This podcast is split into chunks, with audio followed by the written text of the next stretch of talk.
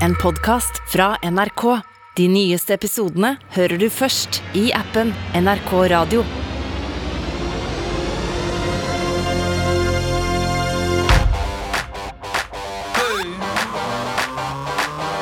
Popkorn over politikk med Sean Henrik Matheson og Gjermund Stenberg Eriksen. Jada, I love you. G.I. Jane 2, can't wait to see it. All right?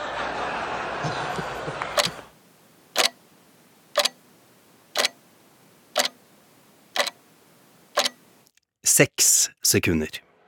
Seks sekunder er tiden det tok fra Will Smith reiste seg opp fra stolen sin, gikk bestemt over scenen, og til han Oh, wow. Klappa til Chris Rock under Oscar-utdelingen natt til mandag. Will Smith just smacked the shit out of me. Seks sekunder. Skandalen var et faktum. Seks sekunder. God tid til å fatte en beslutning. God tid til å ombestemme seg. Vet du hvem som vant Oscar for beste kvinnelige skuespiller? Vet du hvilken film som fikk flest Oscar-priser? Hva ble beste film? Slaget til Will Smith stjal alle overskrifter. Resten av showet ble glemt. Skandalen vil bli husket for evig tid. Mørkt. I popkornuniverset vårt er det noe av det mørkeste som har skjedd på veldig lenge. Men det kommer selvsagt ikke i nærheten av det som foregår i politikkdelen av podkasten vår. I Ukraina er det enda mørkere. Denne uka er selvsagt også preget av krigen. Klokka tikker for folket der også. Ja, eller er det mer riktig å si at tiden der på mange måter har stoppa opp? Uansett, Putin hadde langt mer enn seks sekunder på å ombestemme seg før han 24. februar i år gikk til et fullskala angrep på nabolandet og sitt broderfolk. Og med det så fiket Putin til hele Europa. Kanskje en litt dårlig sammenligning. Men forhandlingene mellom Ukraina og Russland denne uka har kanskje gitt oss håp? Ja, det er det for tidlig å si. Men hva skjer egentlig under slike forhandlinger? Hva skjer når kameraene er slått av og journalistene er ute av forhandlingsrommet? Og hvordan er russerne å forhandle med?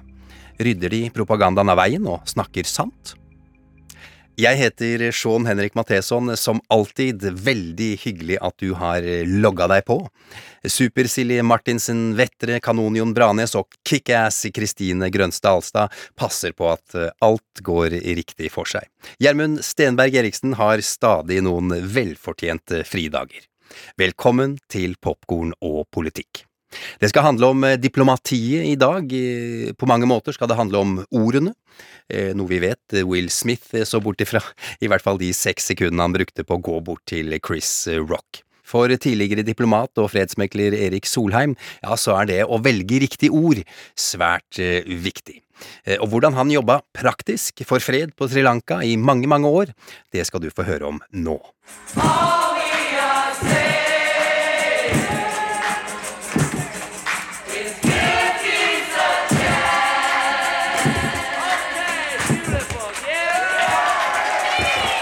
Popkorn og politikk. Det er veldig hyggelig å ønske deg velkommen, Erik Solheim. Veldig hyggelig å være med. Jeg er i Chennai i India, men hyggelig å høre norske stemmer. Det er ikke så mange av dem her. Nei, du er faktisk helt uh, i India. Delstaten Tamil Nadu, stemmer det? Helt uh, sørøst i landet, helt på tuppen der?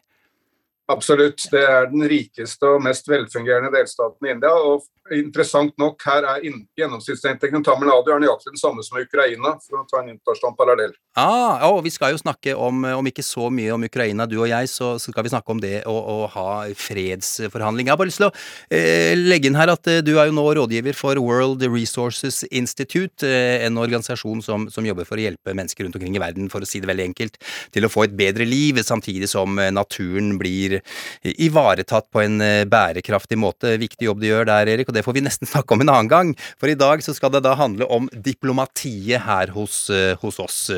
Som sagt, vi skal ikke snakke så mye om forhandlingene som har foregått i Tyrkia denne uka mellom Ukraina og Russland, du og jeg, men ja, dersom du ikke har noe inside information forresten, Erik, har du det? Nei, men eh, det er, vi har jo aldri vært i en lignende situasjon hvor parter i en konflikt har konstant kontakt med hverandre. Putin snakker med Jonas Gahr Støre og han snakker med vestlige ledere hele tiden. Så det meste er vel i offentligheten, vil jeg tro. Ja. Jeg tror ikke det er så mange hemmeligheter. Nei. Men krig, krigen går sinnssykt dårlig for Russland. De har feilberegnet på alle punkter, det, det er helt klart. Ja, ja. Eh, Vi er litt eh, nysgjerrige selvfølgelig på hvordan eh, slike forhandlinger foregår eh, behind the scenes, om du vil. Og med din lange internasjonale karriere som diplomat og fredsmegler, så er jo dette noe du har stor innsikt i. Og i mange år så jobba du for fred på Sri Lanka mellom myndighetene der og, og tamiltigrene. Men hvor var det dere hadde samtaler mellom de to partene dere jobba med da? De fleste av samtalene hadde vi i Thailand, og det var fordi det var et land som var akseptabelt både til regjeringen og de tamilske tigrene. Det er selvfølgelig forutsetningen for en nær fredssamtale at begge parter ønsker det. Thailand var et buddhistisk land, så du kan si det var rart i og med at regjeringen på Sri Lanka stort sett var buddhister, men både de og tamiltigrene følte at Thailand var et velegnet sted. Vi hadde også samtaler i Japan og en gang i Norge, men Thailand var det foretrukne stedet. Må også innrømmes at vi likte bedre klima der. Det er, varmt på Sri Lanka, og det er varmt og hyggelig i Thailand også. Jeg var ikke så glad i det norske klimaet. Følte seg mer hjemme i Thailand. De likte maten bedre der, likte klimaet bedre der. Likte bedre å være der. Selv om vi veldig gjerne skulle tatt dem til eh, Beitostølen eller eh, Rondane eller et flott sted i Norge. Svinge på dem ski, kan du sett åssen det hadde gått? Ja, vi prøvde. altså vi, vi hadde jo den ideen veldig lenge på Sri Lanka og i mange andre fredsprosesser også, at det beste stedet var ute i norsk natur. Da kunne man ta med partene ut og gå tur. Kunne få dem til å slappe av og se på naturen. Men min erfaring var at jeg møtte ingen part i noen konflikt som egentlig ønsket det, unntatt vi norske. Vi har litt sånn eh, store hue, egohuer her, så tenker at Norge, her er det flott, her, her ordner vi opp. Alle de jeg var borti, enten det var i Sudan eller Sri Lanka eller eh, Nepal eller andre, de foretrakk å være på et femstjerners hotell i en flott by med full tilgang til alle, alle fasiliteter. Eh, De kan hende de drev krigen sin ute i bushen under vanskelige forhold. Ja. Men når det var fredsforhandlinger, så vil det heller være på Sheraton eller Hilton eller, eh, eller andre flotte hoteller. Ikke Vi prøvde en gang å ha fredsforhandlinger i en litt um, eh, Kall det litt mer ungdomsarbeiderstil i, i de sveitsiske fjellene. Det var et katolsk senter, og veldig veldig fint der. Men Sri Lankas utenriksminister han nektet å være der, så han reiste fram og tilbake til femstjerners hotell i Genéve hvert eneste møte. Vi hadde en utrolig episode hvor Sri Lankas utenriksminister var i Oslo. Eh, Det var i desember. Og han var livredd. Han var akkurat like redd som den nordmenn hadde vært hvis du hadde sagt at nå skal vi slippe deg ned et rom- i India, det er 20 farlige indiske slanger i det rommet. og hva var det han var redd for? Jo, han var redd for å dette på isen. Så han skulle til den indiske ambassade i Oslo, som ligger oppå Vinneren. Og Der er det kanskje ti meter fra bilveien opp til eh, trappa. Han nekta å gå de ti meterne fordi han kunne dette på isen der. Eh, Så vi måtte flytte hele greia ned til Grand på Karl Johan for, for at de skulle slippe. Der var det oppvarmet til fortau. Men Erik, da, da er vi liksom på plass eh, der vi skal forhandle. Partene er der, eh, og så er det du som er fredsmegler. Hva, hvordan funker det? Står du liksom der i døra, hadde jeg nær sagt, og tar dem imot og sier hei og velkommen og sånn, eller hvordan er det det skjer i praksis? Ja, Fortrinnsvis har du brukt mye tid før de kommer til forhandlingene med å snakke med dem. Vinne deres personlige tillit. Gjerne snakke om fotball eller damer eller, eller familien deres, eller hva de måtte være interessert i for å få et personlig forhold til dem. Ja. Men framfor alt å vinne tillit. Ikke? Alle mennesker er jo sånn liker å snakke om det de er interessert i. De tamilske tigrenes leder Prabhakaran, som, som siden døde, han var veldig interessert i film. Det er ikke mitt spesiale, men han var etter sigende en god kokk. Iallfall han veldig, hadde han folk til å lage veldig god mat, som var interessert i å snakke om, om det.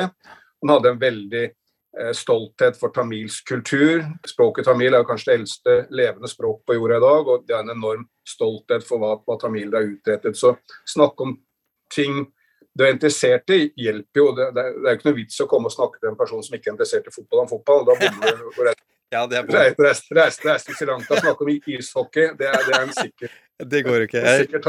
Det skjønner jeg. Fy søren. I filmer og TV-serier eh, om forhandlinger i en eller annen form, eh, så kan det hende at noen vet, eh, for å si det sånn, at ja, den delegasjonslederen der, ja, han, han liker en spesiell type potetgull veldig godt, eller at han bare drikker Coca-Cola, ikke Pepsi.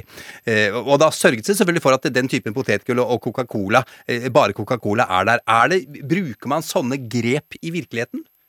Ja, man prøver jo alt man tenker er, kan legges til rette for at partene skal trives inkludert maten. Hvis man vet at de har bestemte fobier eller ting de ikke liker, så prøver man å fjerne alt det for at folk skal trives. På Sri Lanka så var maten et stort tema hele tida. Både tamilene og serengaleserne ville egentlig bare spise hjemlig mat. Vi hadde dem en gang i Oslo. Da. Første dag så tok vi dem på Stadholdergården, som jo er en av Oslos dyreste og fineste restauranter. Og jeg syntes det var kjempegodt, selvsagt, men geipen hang langt ned eh, for delegasjonen. Dagen etter vi tok med dem på dinner, en kinesisk restaurant med god, sterk mat. og Da var det sånn noenlunde fornøyd. Mm. Og tredje dagen var det på indisk restaurant, og alt var helt toppers. vi hadde en utrolig episode hvor vi var i Japan. Eh, og Det var på et gammelt keisersted, så japanerne hadde virkelig lagt seg i selen for at alt skulle være perfekt. Eh, jeg er sikker på at hver meny der kostet 2000 dollar, altså 20 000 kroner eller noe sånt. For alt var som små kunstverk som bare japanere kan lage. Hver gulrot var et kunstverk, og hvert, hvert kålblad var et kunstverk. Det var helt fenomenalt. Og regjeringen på Sri Lanka kom. Det japanske vertskapet selvsagt kom på høyeste nivå, og vi kom fra Norge. Den tamilske tigrene dukket ikke opp. Og det var masse artikler i internasjonal presse om den enorme fornærmelsen som tamilske tigrene har gjort i Japan ved ikke å møte opp på denne fantastiske lunsjen i palasset i Hakone, som det het. Eh, men jeg vet jo grunnen. Det hadde ingenting med politikk å gjøre, og ikke av fredsforhandling dårlig. Hadde ingenting med det å gjøre, var bare én ting. De ville ikke spise sushi. Punktum finale. De hadde fått noen lokale tamiler i Japan til å røre sammen rice and curry i noen store gryter og servere det på rommet. Og der satt de og koste seg med rice and curry som de ville ha. Ja. Mens vi, vi spiste sushi. Og hadde fint med det. Hvor mange har du på laget ditt, du, eller hadde du på laget ditt, for å si det sånn? I Sri Lanka-forhandlingene så var det fire stykker ved bordet fra hver side. Fire fra regjeringen og fire fra de tamilske tigrene, og, og to-tre fra norsk side. Mm. Men når du virkelig skulle bevege tingene, så var det ofte lettere å ta med de to lederne for forhandlingene eh, inn på et eget rom, og se om vi, vi tre til sammen kunne være med og bli enige om noe. For det, bare, det var fire fra hver side, men i tillegg hadde jo noen rådgivere bak, og du kunne jo aldri regne med at noe som ble sagt i det rommet, ble, ikke ble lekket ut til media. Eller, så hvis du virkelig skulle bevege dem, så var det ofte på basis at først hadde man hatt en lengre økt i forhandlingene, og så tok jeg da de to sentrale lederne inn på et eget rom og spør men se her, her er det noen muligheter, kanskje vi skulle gå videre på det. Er det, er det, det, tror jeg er ganske typisk for hvordan det foregår. Det finnes ikke noen felles regelbok for, for fredsforhandlinger. Fredsforhandlinger har jo eksistert siden tidenes morgen, siden de gamle Kina eller Romerriket. Det har alltid vært forhandlinger, og det, det er ingen ingen felles regelbok for det. Nei, nei, selvfølgelig ikke. Hvordan bestemmer partene hvem som skal være med på selve samtalene, når, når vi først har liksom bestemt sted? Det, hvordan bestemmer de hvem som kommer? Ja, Det er et veldig sentralt spørsmål. Jeg prøvde å tenke om jeg kunne huske noen fredsforhandlinger hvor selve lederne hadde sittet og forhandlet. Og Det kan ikke jeg huske. Lederne kommer nesten alltid sammen når man er blitt enige om en avtale. og Så uh, har de kanskje et håndtrykk for å bekrefte avtalen. Mm. Eh, noen ganger er det høyt nivå, som f.eks. i Vietnam-forhandlingene. Da møttes USAs utenriksminister Kissinger og, og Vietnams uh, utenriksminister Le Duc til forhandlinger, så det var et veldig veldig høyt nivå. Men det var ikke president Nixon mm. eller partisjefen i Hanoi som møttes, men nivået under. Men mye mer vanlig er jo at partene lar forhandlingene foregå på et lavere nivå. Da kan de i verste fall bare blåse i hva de er blitt enige om, og bare si at disse forhandlerne tok feil. Eh, så Det avgjørende spørsmålet er at forhandlerne må alltid ha de må alltid være tett på lederne. Det kan nær sagt være hvem som helst. Det kan være fetteren til lederen, eller, eller sønnen, eller, niesa. Eh, men, men de, de, må ha en direkte adgang til de som bestemmer. Det betyr i tilfelle av Ukraina-Russland, de som forhandler må ha en direkte adgang til Putin. Og de må ha direkte mandat fra Zelinskyj, ellers vil man ikke komme noen vei. Fredsforhandlinger mellom parter i konflikt lykkes nesten bare når begge partene innser at de ikke kan vinne en full seier. Eh, og Det er mulig at vi har kommet dit nå, at russerne skjønner at de ikke kan vinne en seier, Ukraina kan jo ikke slå Russland militært, men de kan holde det gående lenge. Og Forutsetningen for vellykket fredsforhandlinger er at begge parter skjønner at de ikke kan vinne. Og Det er det klinger et visst håp til, at, uh, at du kanskje er der, at Toten skjønner at han ikke kan vinne. og Da gjelder det å komme ut av det med æren i behold. Ja. Tusen takk, eh, Erik. Eh, Men du, eh, ikke gå noe sted. Jeg har en liten ting jeg må spørre deg om litt senere. Er det greit? Ja, vi får prøve. Come on and talk to me. I will try my utmost to be honest with you. Try to be honest with you every single one. Come on and talk to me. I will try my utmost to be rhythmical. Popkorn og politikk. Karl Anna Eggen, velkommen! Takk for det. En glede at du har eh, tatt deg tid til å komme og besøke oss. Du er forsker ved Institutt for forsvarsstudier og er ekspert blant annet eh, på russisk sikkerhetspolitikk. Eh, Og denne uka altså så har Russland og Ukraina sittet ved forhandlingsbordet i Tyrkia. Og med alt det du har av ekspertise, så vil vi at du skal spekulere litt på hvordan, eh, hvordan Russland ter seg i slike situasjoner. Karnana, sånn sånn historisk sett, hva slags forhandlere er russere? Er de gode, er de dårlige, er de harde, er de runde i kantene? Hva vil du si om det? Altså, de har snakka med som har sittet i eh, altså ved forhandlingsbordet med russere, de sier jo ofte at eh, det er lite kompromissvilje og ganske Du møter ganske harde forhandlere. Og det tror jeg nok er ganske betegnende. Nå har jo ting stramma til seg, og det kan jo hende det har vært en utvikling over tid òg under president Putin. Men vi ser jo det òg nå i opptakten til angrepskrigen på Ukraina, at i forhandlingene så kommer det Det er lite framgang. Du sier én ting én dag, og så snur du på en måte på flisa. Og de lekker eh, informasjon fra samtaler, som eksempel når da Storbritannias utenriksminister eh, var og ha den eh, famøse Ja, ja, eh, Ble jo satt i en felle av Lavrov. Ja. Hun bomma litt på eh, territorier og, og hva som hørte til hvor og slike ting. Ja, ikke, ikke sant. Men, men, så, så de er harde og Ja. urimelige, vil du si det? De er ikke harde og rettferdige på et vis, da? Eller? Nei, altså det der med lite vilje til kompromiss og at du er hard, det kan jo òg komme ut at du ikke har så mye forhandlingsrom. Mm. Ikke sant? Ja. Du har noen eh, talepunkt, Mm. men det er ikke som eksempel norske diplomater i forhandlinger, Mm. som kan i mye større grad, ikke sant, forme samtalen og kanskje det som legges på bordet, hva en kan liksom kna på sammen. Mm. Det er min opplevelse, i hvert fall, og, og min forståelse, at det har ikke russerne til samme grad. Det handlingsrommet har De har ikke noe å forhandle om, egentlig. da De bare er der og møter opp og sier hei og, og sier ting, da, russerne. Jeg tenker De har jo talepunkt som er basert da på den, det utgangspunktet for samtalene. Ja. Eh, og så har de, skjer det jo mye på bakrommet før òg, og i utvekslinger og samtaler i forkant. Men det, det er mer talepunkt, og eh, i hvert fall i sånne større sikkerhets- og utenrikspolitiske spørsmål, så må det Da er det på en måte en som skal ta den avgjørelsen til slutt. Og det er jo da president Putin. Man vet jo hva som kan skje med de som snakker Putin imot, eller de som ikke gjør som han sier. Det hevdes jo at noen eh, av Russlands toppfolk innen etterretningen har blitt eh, arrestert, f.eks. Hva skjer da, hvis de opplever at her er det faktisk ting som kan skje? Her opplever russerne at ok, dette her er ikke så gærent. Eh, Hva, hva gjør de da i en sånn situasjon? Er det, må de liksom bare blåse det av og ikke forholde seg til det, da, eller? Det er jo et kjempegodt spørsmål. De etterretningssjefene ble vel satt i, mm, så, som det heter så fint, husarrest. Ja. Eh, Det er jo et interessant begrep. Det har jeg jo hørt fra når jeg, når jeg bodde i Minsk i Hviterussland, så var det ofte snakk om at personer ble satt i husarrest. Og det er et interessant begrep i seg sjøl. Men de forhandlingene nå i Istanbul, så kommer jo uttalelsene etterpå, ikke sant, om at ja, men eh, vi, samtalene har vært konstruktive, og vi har hatt en god samtale. Altså, ikke sant? Det kommer en del sånne eh, Og så snakker de om de ulike punktene de har diskutert. Um, men så må du på en måte hekte på Men nå skal det her ses på av, eh, av Kreml og ikke sant, de som leder. Når det da sendes tilbake, og så er beskjeden bare det her, det her, er, det her flyr ikke. Putin er ikke fornøyd med de forhandlingspunktene.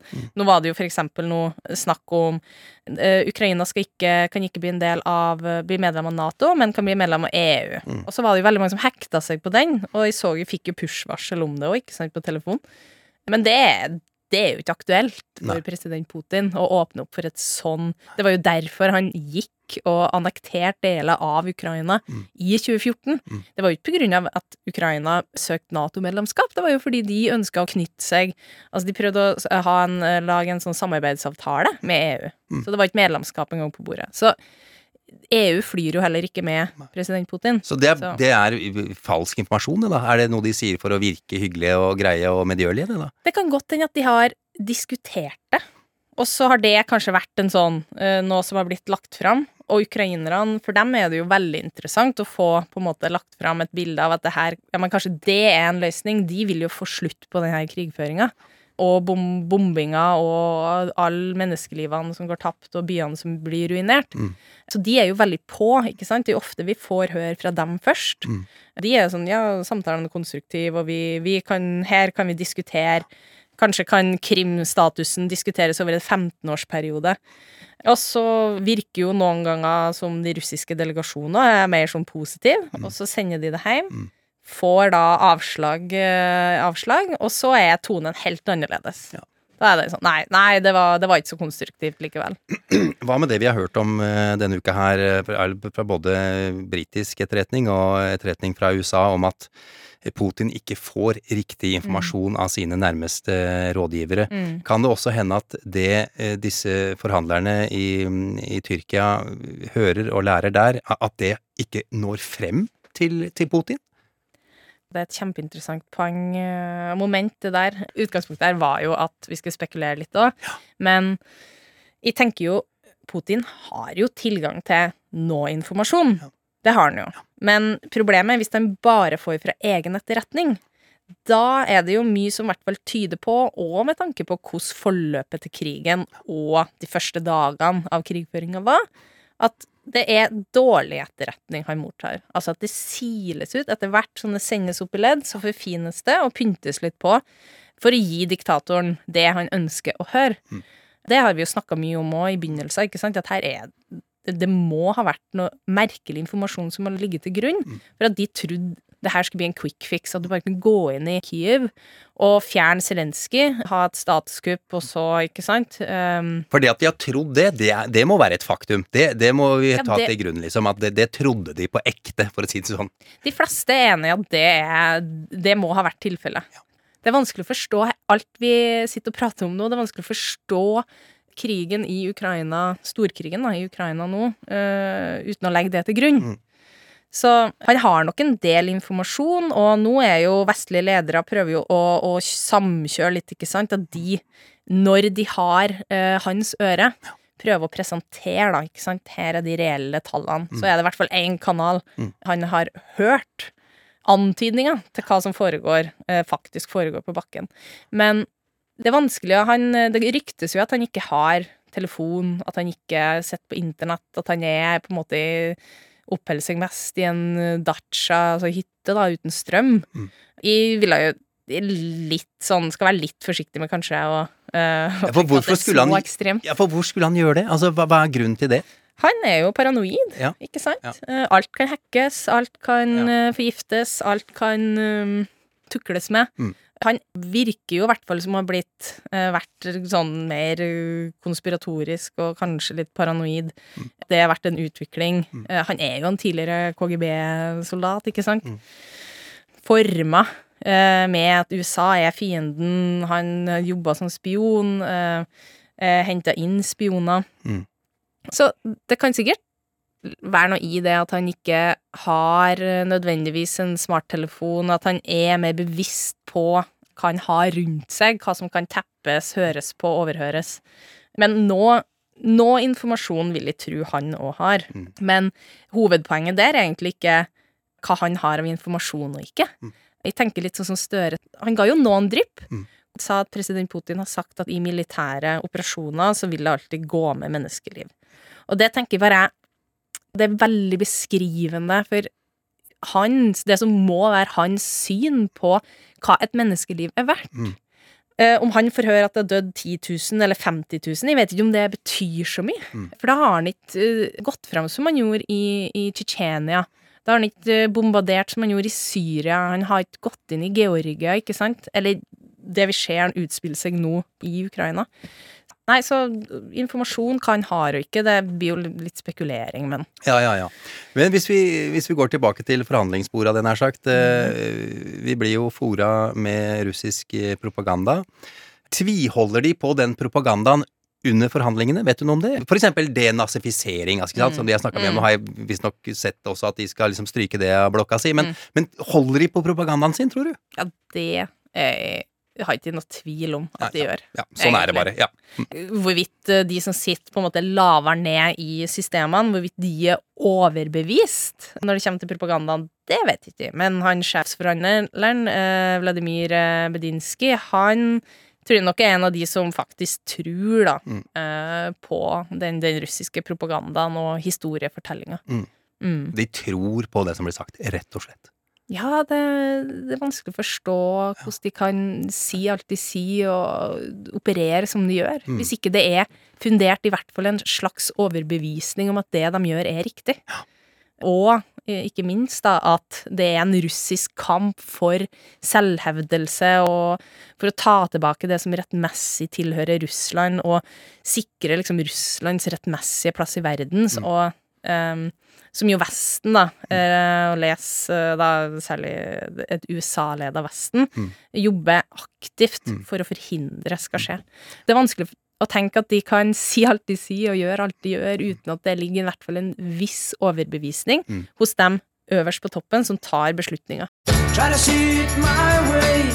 Do I have to keep on talking till I can go on? While you see it your way, run the risk of knowing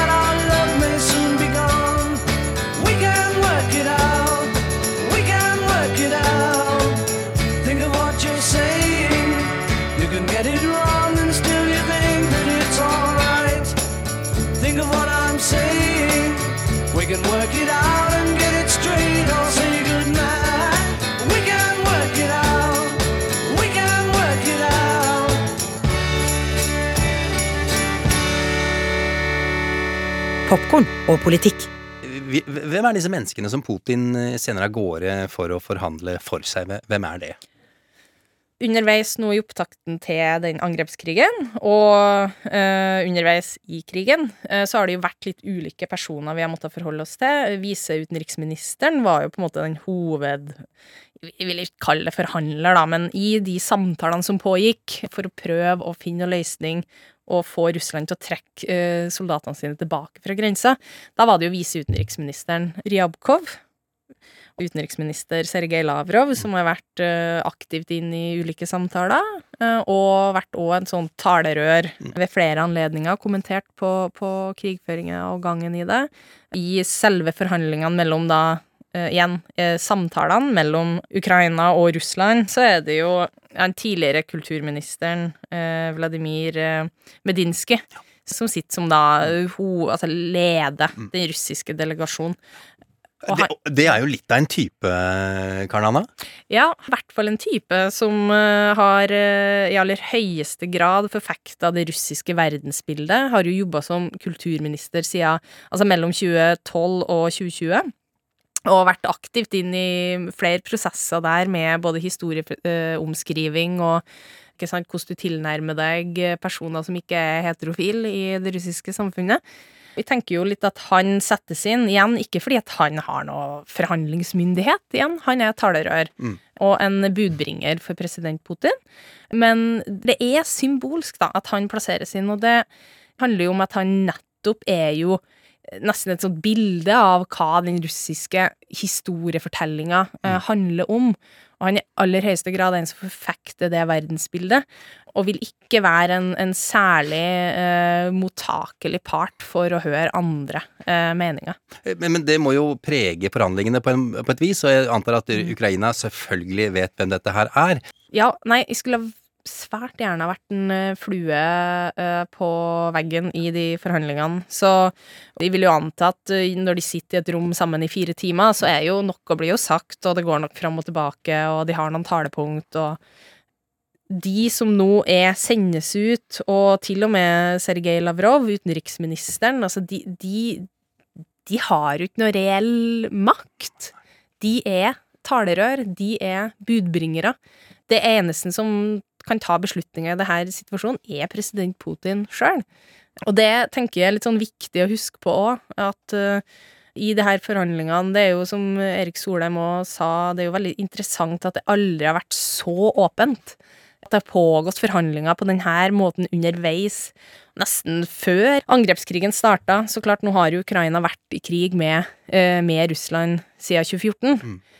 Spørsmålet er jo er egentlig Russland og president Putin i det hele tatt interessert i å få avslutta, og at det skal være framgang i disse her forhandlingene? Jeg tror ikke det. Nei, for her sådde jo Erik Solheim et lite håp, eh, vil jeg Ja. si. Jeg vet ikke Ja. om han, eh, om han he- sa det vel ikke krystallklart at det tror han at sånn det er, men det kunne kanskje være sånn. eh, At, eh, at de vil gi og ta litt nå. Men Mm. Ja. du, du er ikke så positiv, eh, Karen Anna? På russisk så har du jo et sånt ordtak om at Nadezjda umirajet poslednij, altså håpet er det som dør til slutt. Mm. Det merker jo litt i opptakten til krigen og underveis òg, ikke sant, så er det jo vi, vi klamrer oss til det lille positive, ikke sant, vi, vi, vi Å ja, men nå, nå sier de russerne at de skal trekke seg tilbake, nå eh, nå har ukrainerne eh, eh, strida framover, og enhver liten positiv nyhet vi, vi sluker det rått. Forståelig nok. Mm. Og jeg, har jo blitt superpessimistisk. så jeg tar jo Prøver jo Med en gang det kommer sånne nyheter, så plasserer jo det veldig raskt inn i Og hvem er Russland egentlig som aktør? Mm. Er det her i det hele tatt reelt? Mm. Og som regel er svaret nei. Ja. Altså, det er jo en form for uh, psykologisk krigføring òg, det, ikke sant? At du, du hele tida er i den jojo-tilstanden mellom at du kanskje tror at nå blir det øh, forbedringer. Alle ønsker jo at krigen Altså, de fleste ønsker jo at krigen skal ta slutt. Ukrainerne Nå er det vel snakk om fire millioner som har flykta. Eh, og jeg vet ikke hvor mange millioner som er internt fordrevne i landet. Uh, det er en enorm humanitær katastrofe. Russerne, president Putin, vet hvordan han skal utnytte det her. Hvordan skal han gjøre det, da? Det er ikke negativt at det nå er den største flyktningekrisa i Europa siden andre verdenskrig. Det skaper jo ustabilitet, ikke sant, i Europa. Eh, kanskje på sikt òg så vil det kunne være med å slå splid og splittelse i det europeiske samholdet. Eh, nå har jo de fleste åpna dørene sine, og vi må jo si at det, for å finne noe positivt i det her, så er jo det er jo absolutt hvor samla vi har virka. Det er jo med å gi litt håp, da. Ja, Det har virka, var litt sånn negativt poeng der også. Er det ikke et helt reelt eh, samhold vi opplever, tenker du, Karna Anna? Jo, jeg tror det. Men litt som vi snakker om Når vi analyserer krigen eh, som pågår nå, eh, med all den usikkerheten, så er det veldig eh, ofte nyttig å gå litt tilbake. Hvordan var det rett før? Hvordan var det noen måneder før? Eh, og Europa har jo absolutt hatt sine ting å stri med, eh, både i form av høyrepopulistiske bevegelser, EU har jo krangla om ditt og datt, i Nato har det jo vært liksom uenighet om hvilken retning på en måte union skal gå, men så er jo det samlende har jo ironisk nok hele tida vært Russland. Altså det vi har samla oss rundt, er jo Ja, men selv om det har vært uenighet der òg, da, i tilnærminga til Russland Og det her er jo en, en diskusjon som har pågått, ikke sant, hvem, hvem har skyld i hva, og så videre, men det er jo ironisk at all den tid president Putin jo bedyrer at det er Nato som er problemet. Nato er grunnen til at vi handler som vi gjør. Veldig mye av det russerne gjør, er jo med å samle, og gjør jo at, ikke sant, Nato er jo, sender jo mer til de ulike nasjonenes forsvarsbudsjett enn noensinne. Ja, det er jo et interessant moment her, da. Det er samhold, det tenker jeg. Altså, vi, det, har, det ser vi jo både i uttalelser og hvilke grep som nå tas for å sikre medlemslandene, da, om det er EU eller Nato. Så er det jo noe med at denne krigen og angrepskrigen, den har jo lufter jo ut alt av diskusjon om Russland i ethvert europeisk eller vestlig og utafor òg land. Eh, det her følges jo med på fra Kreml. De samler inn informasjon. ok, Hvem var kanskje mer tilbøyelig til å være enig med russerne? Hvem, eh, hvem er veldig imot? ikke sant? Du får jo bare snakk om å få kartlagt ulike holdninger til Russland i nesten over hele verden. Da. Nå, vi- nå er jo vi veldig sånn europasentrisk og vestligsentrisk, så jeg skal jo Det er ikke sikkert alle land i verden er så opptatt av det her som oss. Men de diskusjonene kan potensielt brukes nå eller seinere, og det er jo noe en kan være eh, litt sånn obs på. Eh, Det er jo ikke alle som er enig i, eller har kanskje mer sånn tanker som vi har, da, om ø, årsaken til denne krigen, hva som er riktig utfall, Uh, og det kan jo potensielt brukes. Ja, br- brukes til å så splid. Så splid, ja. Mm. Mm. Uh, Jeg skal ikke oppsummere alt det du har sagt nå eh, i det hele tatt, egentlig, men eh, jeg jeg jeg hører på et vis at du sier at russerne er overhodet ingen vi kan stole på, eh, verken under forhandlinger eller eh, bare som eh, det Russland er. Nei, eh, de har i hvert fall ikke gitt særlig stor grunn til å tenke på den måten. Når de begynner å følge opp uh, handlinga med retorikk, altså når det begynner å få et mer sånn et samspill mellom de to, så skal jeg være villig til å, å kanskje begynne å ta det de sier Eller jeg tar jo det de sier, veldig seriøst, men det å tro på hva de sier, og at det er på en måte oppriktig, det, det, er, det har blitt veldig vanskelig. Mm. Fordi de, de har De skulle ikke angripe, gå inn i Ukraina. De gjør det. eh, De skal trekke tilbake. De gjør ikke det. Eh, De skal åpne humanitære korridorer. De gjør ikke det. Skylder på ukrainerne. eh, Skylder på USA. Skylder på Vesten. Det er veldig sånn Det er jo helt sprøtt, ikke sant, å høre på etter Jeg husker ikke hvilke av de dagene de har hatt samtaler, og så går Lavrov ut etterpå og snakker om at det er Vestens skyld at, og særlig USA, sin skyld at de forhandlingene ikke går framover. Og de tvinger oss til å operere militært i Ukraina. Da er det litt sånn Ja, Mm. ok. Mhm. Det er på en måte argumentasjonsrekka Mm. i veldig mye. Ja, nei, det blir jo interessant å, å følge med utviklinga videre, men så lenge på en måte Jeg tror ikke det er interesse ennå i Kreml eh, ved å finne en løsning gjennom de her samtalene. Hvis vi fortsetter litt på det sporet da, Karen Mm. Altså, hva, hva, har du noen tanker om hvordan dette kan ende? Altså, Tar de hele Ukraina, eller blir de fornøyde med Donbas og, og Krim, for å si det bare superkjapt? Det, er det store spørsmålet, og greia at hovedutgangspunktet her var jo å ta kontroll over hele Ukraina, ikke sant, denazifisere, demilitarisere. Men så er det jo et faktum, og Erik Solheim var jo òg innom det, at de har jo virkelig ikke imponert. De har hatt en helt merkelig sånn strategi fra starten av om at det her skulle gå fort, som jeg har nevnt litt tidligere òg. Men det vi ser nå, er jo at de omgrupperer, de etterforsyner. Eh, det virker som de begynner å samle seg mer rundt en, en hvert fall mer sånn realistisk da, eh, tanke om hva som er mulig å gjøre. Men de, de trekker jo ikke vekk alle styrkene sine fra Kyiv. De kommer til å ha de der. Kommer til å fortsette etterforsyne fra Hviterussland og holde på en måte det presset opp. Og så går det jo da etter eh, de ukrainske styrkene, som det er en ganske stor del av, som er i Danbas-regionen. Og ja, kanskje, kanskje så nedjusterer de de politiske målsettingene sine og tenker at det er Krim og Danbas og Lugansk, altså det er på en måte nok. Men hvis de nå da eh, klarer å omringe de Ukraina-styrkene og oppnår en stor seier der, hva er da for å stoppe dem til å tenke da sender vi alt vi har til Kyiv. Da fortsetter vi den kampanjen. Så det spørs jo litt hva russerne rett og slett har av stridsutholdenhet, hvor lenge det her kan pågå. Men det jeg har prøvd å nevne en del ganger, er jo viktigheten Altså, russerne er veldig symbolsk. Og hva er det som snart står for dør? Jo, det er jo 9. mai, ikke sant? En svært viktig dag. Andre verdenskrig, ikke sant? Det du feirer krigen er slutt, og den store fedrelandskrigen, og hedrer alle de russiske, sovjetiske styrkene. Eh, og deres heltemodige innsats mot nazismen, osv., osv. Uh, og der er det jo planlagt en, en seiersparade. Og da er spørsmålet hvordan seier har de tenkt at de skal kunne feire den dagen? Så det er nok òg et spørsmål om å nå ganske raskt, da. Det kan jo òg være en grunn til at de nå sikter seg inn på både den realitetsorienteringa av hva som er mulig, men òg at de sikter seg inn da mot et mer konkret område, hvor de kan ha en seier og si ha-ha, vi har demilitarisert eh, Øst-Ukraina, Men en annen interessant poeng der er jo Ok, hvis de er fornøyd med Danbas og Lugansk De sier jo ikke noe om Altså, hvilke områder snakker vi egentlig om?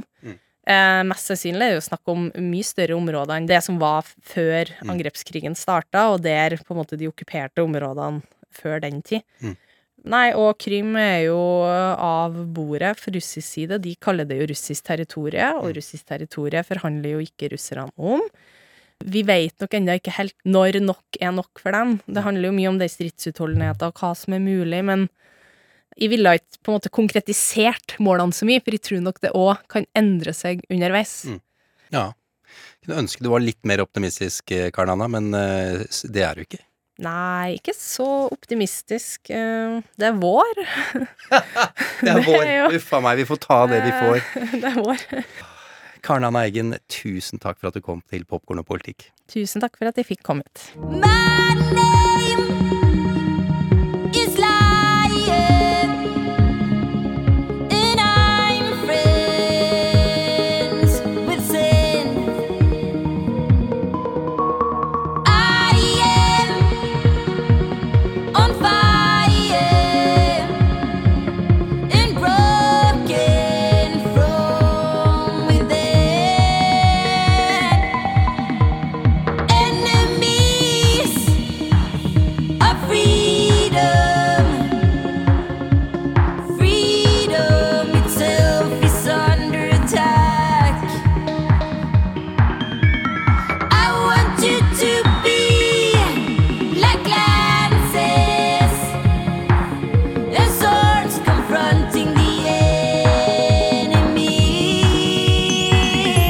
idiots, og politikk.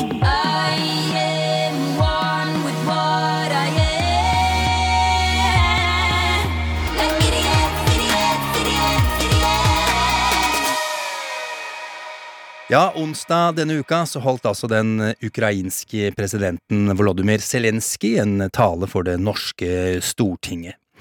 Det var til å få eh, gåsehud av, og vi skal snakke mer om denne Espen Thoresen? Men verden Nei, jeg, altså, det studioet er opptatt. Du kan ikke Nei, Jeg skal lage Excel-podkasten her. Nei, men, nei, det passer ikke. Nei, kom igjen. Nei, nei, nei. Au! Au! Hva er det du driver med? Funker for meg. Jeg syns det, jeg synes det er fint å legge litt vekt bak orda for tiden. Det er, det er, det er den nye valutaen. Det er Å, Gud, det er sånn det har blitt, ja! Ja, ja, ja. Stemmer det? ok, Det er man, man skal, Når man er krenka nå, så slår man, liksom? Nei, altså, ja, det, det, er, det kan brukes Det er, det er som den, den nye poteten. Å, fy Sånn. fader. Ja, nye poteten. Det er greit. kan brukes til alt. Men du er uansett i feil studio, Espen, så nå er jeg krenka. Au, ja, au, du tar den! Ja, selvfølgelig! Ja. fader, liksom? Eh, Men eh, strengt tatt så er det vel ikke Ja. feil studio heller. Vi har jo invitert deg. Ja, hvorfor slår du meg da? Au! Ja. Ok, greit. Gud bedre. Vi har eh, invitert deg til Popkorn og politikk, Espen, eh, fordi du er jo standup-komiker. Ja, ja, det er ikke så mye nå lenger. Nei, men du har, vært, du har stått på masse scener rundt omkring. eh, Det, det er jeg før, ja. Ja, før, ikke sant. Eh, og eh, jeg vil bare litt grann tilbake til ukas eh, største drama, i hvert fall i popcorn-universet vårt, da, altså hvis vi da selvfølgelig ser bort fra det som foregår i Ukraina. Nemlig at eh, Will Smith eh, gikk opp på scenen under Oscar-utdelingen og slo konferansier Chris Rock med flat hånd eh, i, i ansiktet. Hva tenker du om det, Espen? Uh, det, ja, um, altså det som jeg har reagert på, det er jo at kona hans uh, faktisk uh, han, altså det første, Hans første reaksjon er at han faktisk sitter og ler. Ja. Han tror at dette her er morsomt. Det er først da han oppdager at kona hans eh, Som jeg tror hun heter Jada. Ja, vi gjør det. Ja, at kona tenker da Nei da. Eh, og da tenker han jo da, nå skal jeg, eh, nå skal jeg gå opp på scenen Ja. eh, og gi han eh, komikeren en lusing foran eh, hele verden. Ja. Og eh, eh, Altså, dette er den bolde ridder da som skal forsvare sin kone. Nettopp. Men har i, i historiens løp gjort voldelige og det, katafoniske ting for å få seg et ligg. Altså Ja. eh, Det har skjedd før, Hva het han eh, tysk eh, Mikael, Michael Rust? Mikael- Oi, nå er vi tilbake! Er det på 80-tallet? 90-tallet? Han landa på Den røde plass Ja. med en Cessna 160, han. Ja. For hvorfor det? Jo, for å imponere en dame. Ja. Nei, vi kan gå lenger tilbake. Altså, Napoleon, for eksempel. Altså, han var Jeg tror han var noen og 30 centimeter høy. Altså, Han var høy, omtrent som en melkekartong. Ja. Hva, hva gjorde han for å kompensere manglende høyde? Han okkuperte halve Europa. Ja. Alt for å få seg et ligg. Ja, ok, er Donald han- Trump, altså. Wow. Han ser jo ut som en dør, dørvakt, men kona hans er jo søt. Ja, flott. Det er, det er noe med makt. Altså, ja. kvinner, Mange kvinner finner makt, ja. unntatt voldtekt, sexy. Ja, ok, ja, ja men det, jeg, jeg forstår Og jeg, jeg vet ikke, ifølge sladdepressen så, så har det vel vært noe trøbbel i ekteskapet der eh, opptil flere ganger, så kanskje han skulle Hun er frigid. Ja, ja, ja frigid. Ja, altså, frigid. altså Hårtap skal ikke skape trøbbel i et ekteskap. Nei. Det er jo eh, krav på empati. Men hvis du er frigid Ja. Han får ikke et ligg. Det er eh, Men du, eh, litt alvor her, Espen. Altså, det er jo mange som har eh, reagert kraftig på dette her, og også de svarte i USA. Altså at eh, Will Smith da fremmer myten og stereotypien om at svarte er mer voldelige enn hvite, at de ikke har kontroll på følelsene sine, at det er, også at det er kvinnediskriminerende. Altså at eh, å, kona hans klarte ikke å forsvare seg selv, patriarkiet må liksom beskytte den svake kvinne. Også at det kan være et, eh, et eh, klarsignal da til alle unge svarte gutter om at ja, når noen, noen drar en dårlig joke, eh, ja, da kan du slå. ja. Det er jo alvor oppi her. Hva, Ja. hva, hva tenker du om det, Espen? Altså, Will Smith har selv sagt at grunnen til at han overreagerte, var at han en gang ble vitne til at hans egen far slo moren Ja. uten at han backet opp moren. Ja. Men det er jo også eh, riktig at det er som fattigdom går i arv eh, i mange land, spesielt i USA, men det gjør også vold. For at det, med fattigdom så følger også rus, og med rus så kommer volden. Sånn at det, statistikker, altså tallknusere eller rasistiske tallknusere og høyresiden, høyresiden, de kan fint finne bakgrunnen bakgrunn for tallene sine med å se på statistikkene. Ja, overvekt av svarte. Ja, ja, men det er altså en overvekt av svarte som er fattige, og på grunn av fattigdommen så har de for mye rus. Så, så ja, det er jo klart at det, dette er en idiotisk handling av Will Smith. Det, uten tvil. Eh, han har ikke lært noen ting, da. Det er jo litt synd, for å si det sånn, da, med, med tanke på bakgrunnen du nå Ja, ja. beskriver, Espen. Jeg syns også det er litt sånn eh, Disse hyklerne som sitter og etterpå gir han stående applaus fordi han får en Oscar. Ja! Altså, Hvorfor får han stående applaus? Det, han hadde, hvis han ikke hadde dratt det til Chris Rock, så hadde han hadde de sittet. Jeg vet det. Ja. Husker du hvem som vant eh, film, eh, nei, pris for beste film, for eksempel? Var ikke det Chris Rock? Du, eh, også litt eh, mer alvor her. Eh, Vi snakker jo mye om Ukraina her i, i, i Popkorn og politikk. En av de store overskriftene denne uka her, eh, Espen, eh, har jo vært at, eh, at Russland eh, og Kina eh, nå skal lage en, en ny verdensorden. Eh, Hva, hva, Ja, ja, det så ja. hva, hva tenker du om det? Det er, dette her er den verste nyheten eh, jeg har lest på lenge. Da, og jeg tenker, det første jeg tenkte, var jo fader, jeg synd ikke jeg er eldre, for dette her vil jeg rekke å dø før dette her eh, eh, dukker opp, da. Og, og en annen ting er jo observert eller godt tenkt. Ja, og andre ting, hvis det skjer, da, hvor volka er Norge da? Om vi da eh, drar på oss mangelsykdommer med kinesisk ris og russisk vodka, og vi fremdeles sitter og eh, diskutere samtykkeloven og høye strømpriser. Det, altså, det skulle faen ikke forundre meg. Espen eh, Thoresen, eh, tusen takk for Au! Jeg trodde vi var ferdig med det! like I'm drowning.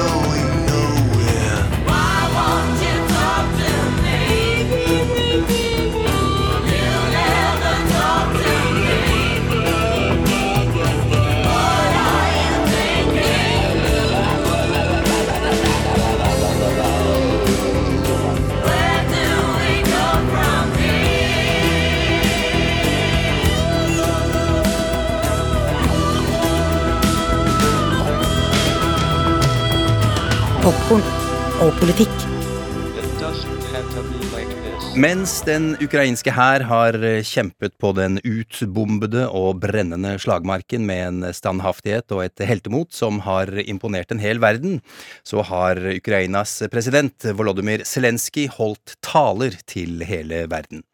I sine militærgrønne skjorter mot hvit bakgrunn med det ukrainske flagget hengende på den ene siden, har han brukt ord.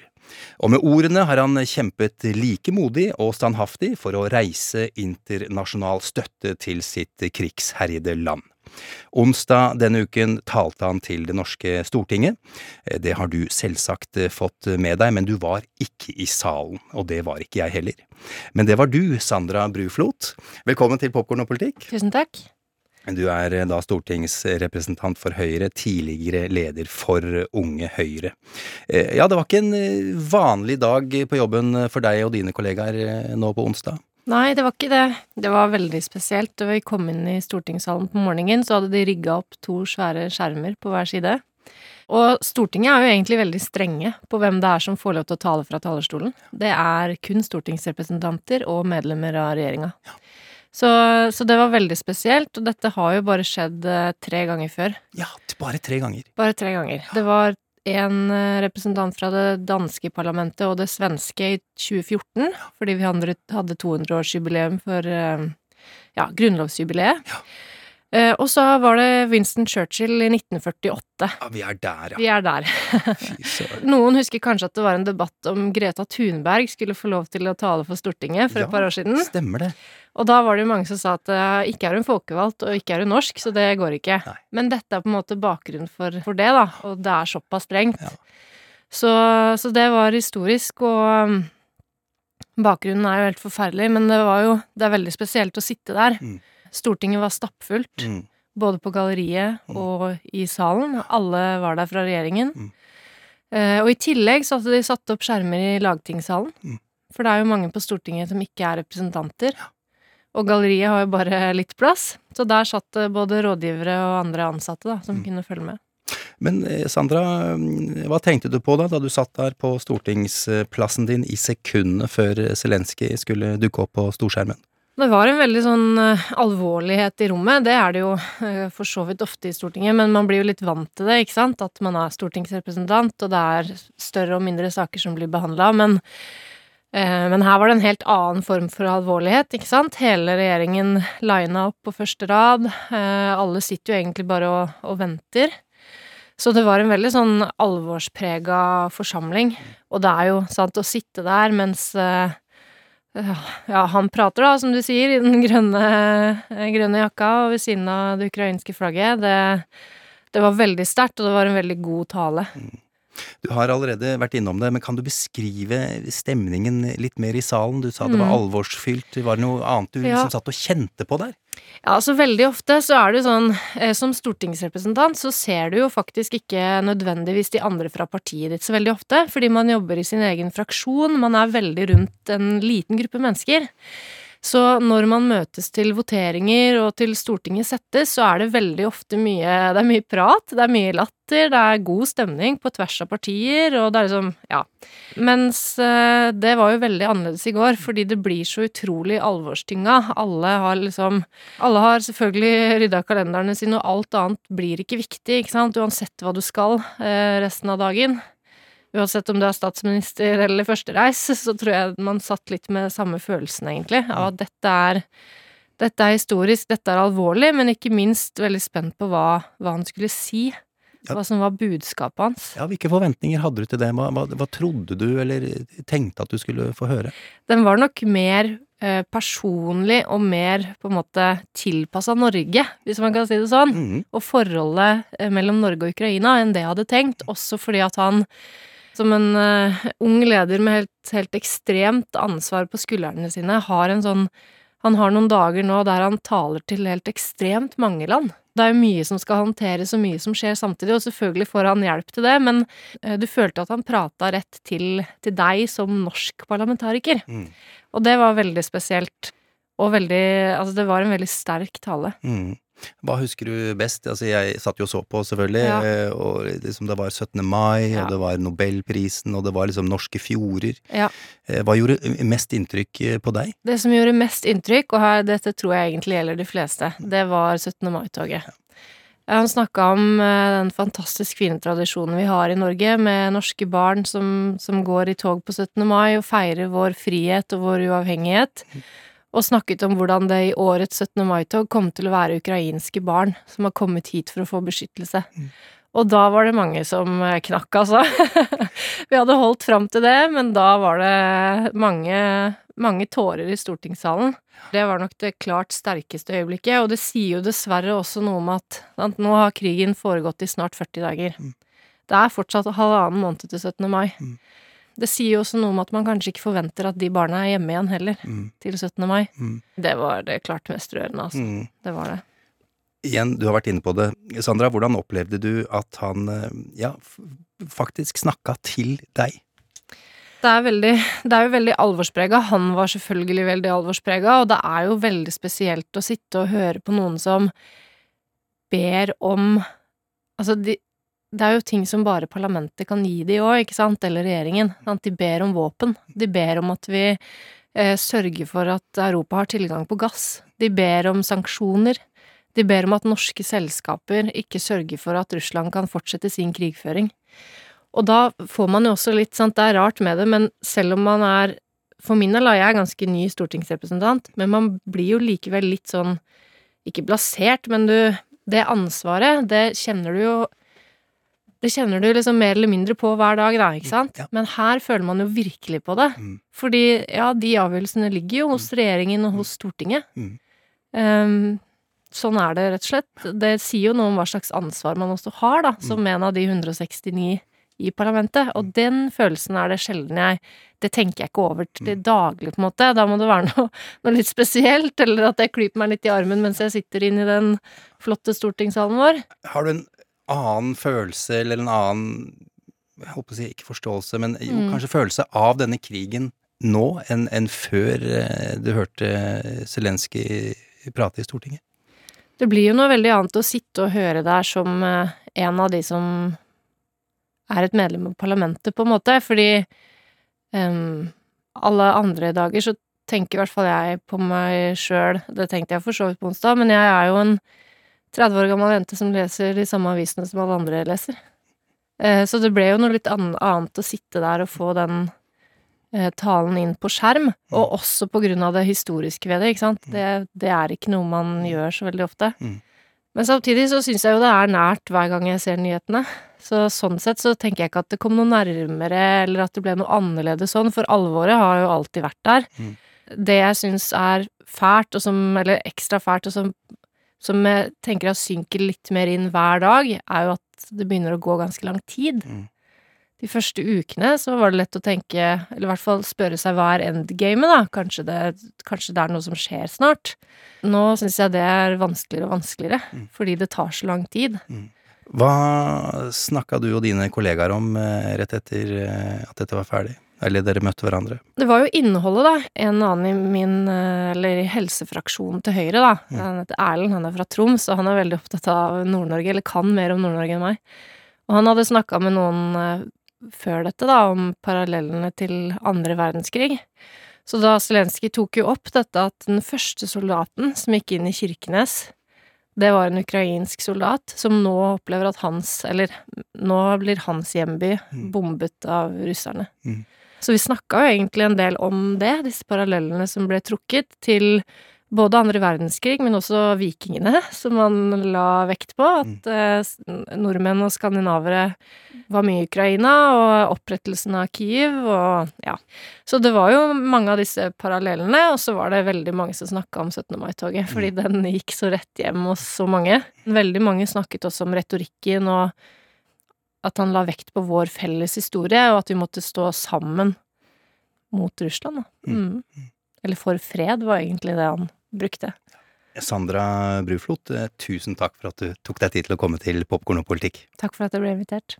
But if you try sometimes, well, you might find you get what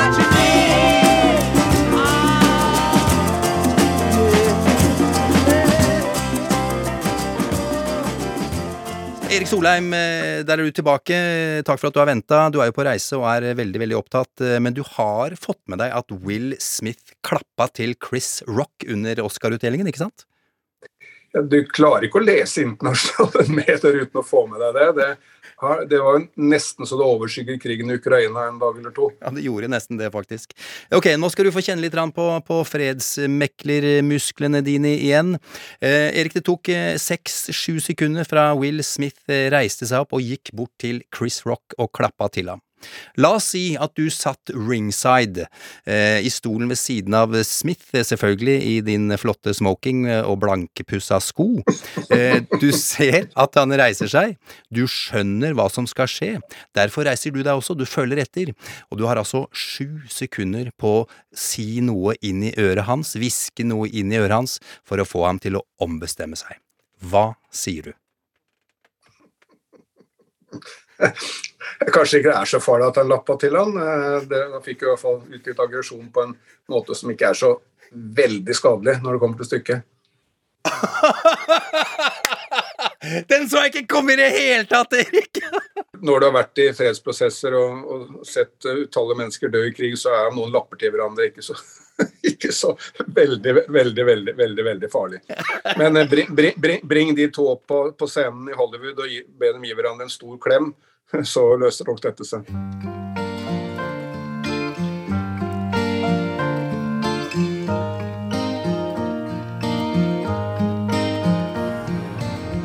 En stor klem. Ja, jeg tror at begge de to gutta der eh, trenger store klemmer for tida. Akkurat som jeg trenger en selv her jeg står. Hvem gjør ikke det, etter alt som har skjedd de siste ukene, månedene egentlig? Som jeg vel har sagt opptil flere ganger, eh, den uroen jeg har kjent på den siste tida, den har jeg ikke kjent på siden jeg var en liten gutt som løp rundt i kortbukser på Jessheim på 80-tallet. På den tida, ja, så var det litt som at atomkrigen hang litt over oss. Jeg husker spesielt en episode på sommeren. Jeg spilte fotball med vennene mine mellom epletrærne til mormor og morfar. Det var den perfekte sommerdag. Gresset var grønt, himmelen var blå, og solen stekte. Så gikk flyalarmen. Jeg hadde hørt den før, men akkurat den dagen, av en eller annen grunn, så ble vi livredde. Kanskje det hadde vært noe spesielt i nyhetene den siste tida, kanskje var det en overskrift i papiravisene som lå på kjøkkenbordet den morgenen, jeg vet ikke, men der og da var jeg helt sikker på at nå smeller det. Jeg kjente at magen sank, at blodet forsvant fra ansiktet mitt, vi løp så fort vi kunne til mormor, hun skjønte med en gang hva det var vi tenkte på. Det er en øvelse, ropte hun da jeg kom byksende mot henne, det er en øvelse, gutten min. Jeg begynte å gråte. Den samme følelsen i magen har jeg kjent på mange ganger den siste tida, og jeg har grått også. Over en ny og uviss fremtid for barna mine, men aller mest for de som faktisk har fått fremtiden knust av den russiske krigføringen i Ukraina. Jeg hadde et håp om at vi skulle få mer håp i dagens episode, men igjen så må jeg spørre meg, er jeg naiv? Kanskje jeg er det? Eller handler det om at jeg nekter å gi opp? Nekter å gi opp håpet? Jeg tror jeg velger meg det siste. Men det som er helt sikkert, er at en god klem, det er aldri feil. Og ser ingen vondskap, men snur seg ifrå og tenner eit ljos for det gode. Som breier og dyner det over de små, og vekker dei opp med å smile. Du høyrer og syng på en glad melodi når en morgen går ut. Og rett som det er, kan du ta deg i at verden den er både ljos og blid. Ja, det lysner av dag når hun fer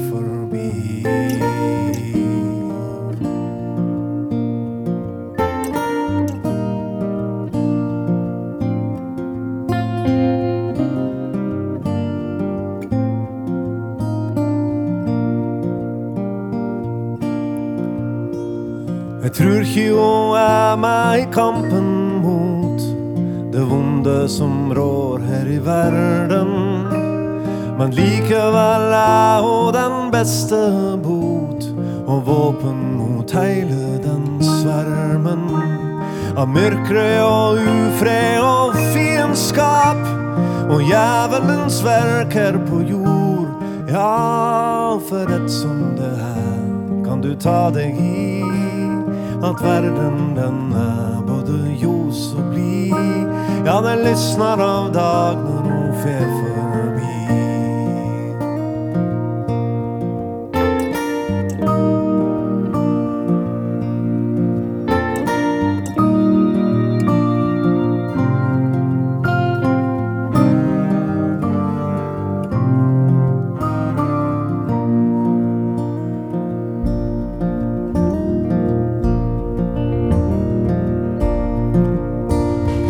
Vi synger vår sång for at det var hun, for at det var hun som vant krigen. Det vonde fikk tapa for den som var god. Det var kjærleik som vann i striden. Og hvert minutt er det det gode sjans til å flykke sin front lenger fram. Og rett som kan du ta deg i at verden den er både ljos og blid. Ja, det lysner av dag når hun fer forbi. Ja, rett som det er, kan du ta deg i at verden den er både ljos og blid. Ja, det lysner av dag når hun fer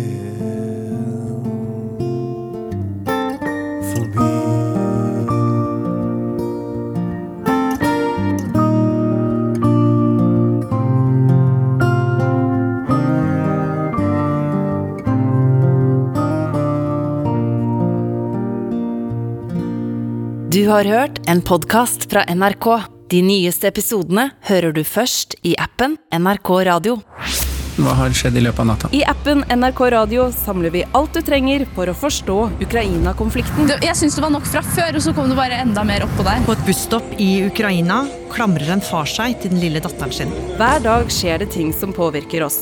Vi stiller spørsmålene og forsøker å forstå.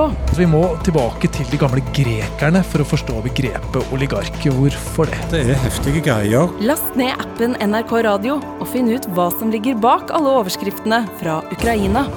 NRK Radio. Vi hører sammen. Hei, alla barn. Jeg heter Rulle. Nå er det vår. Nå piper alle djuren. Hei då.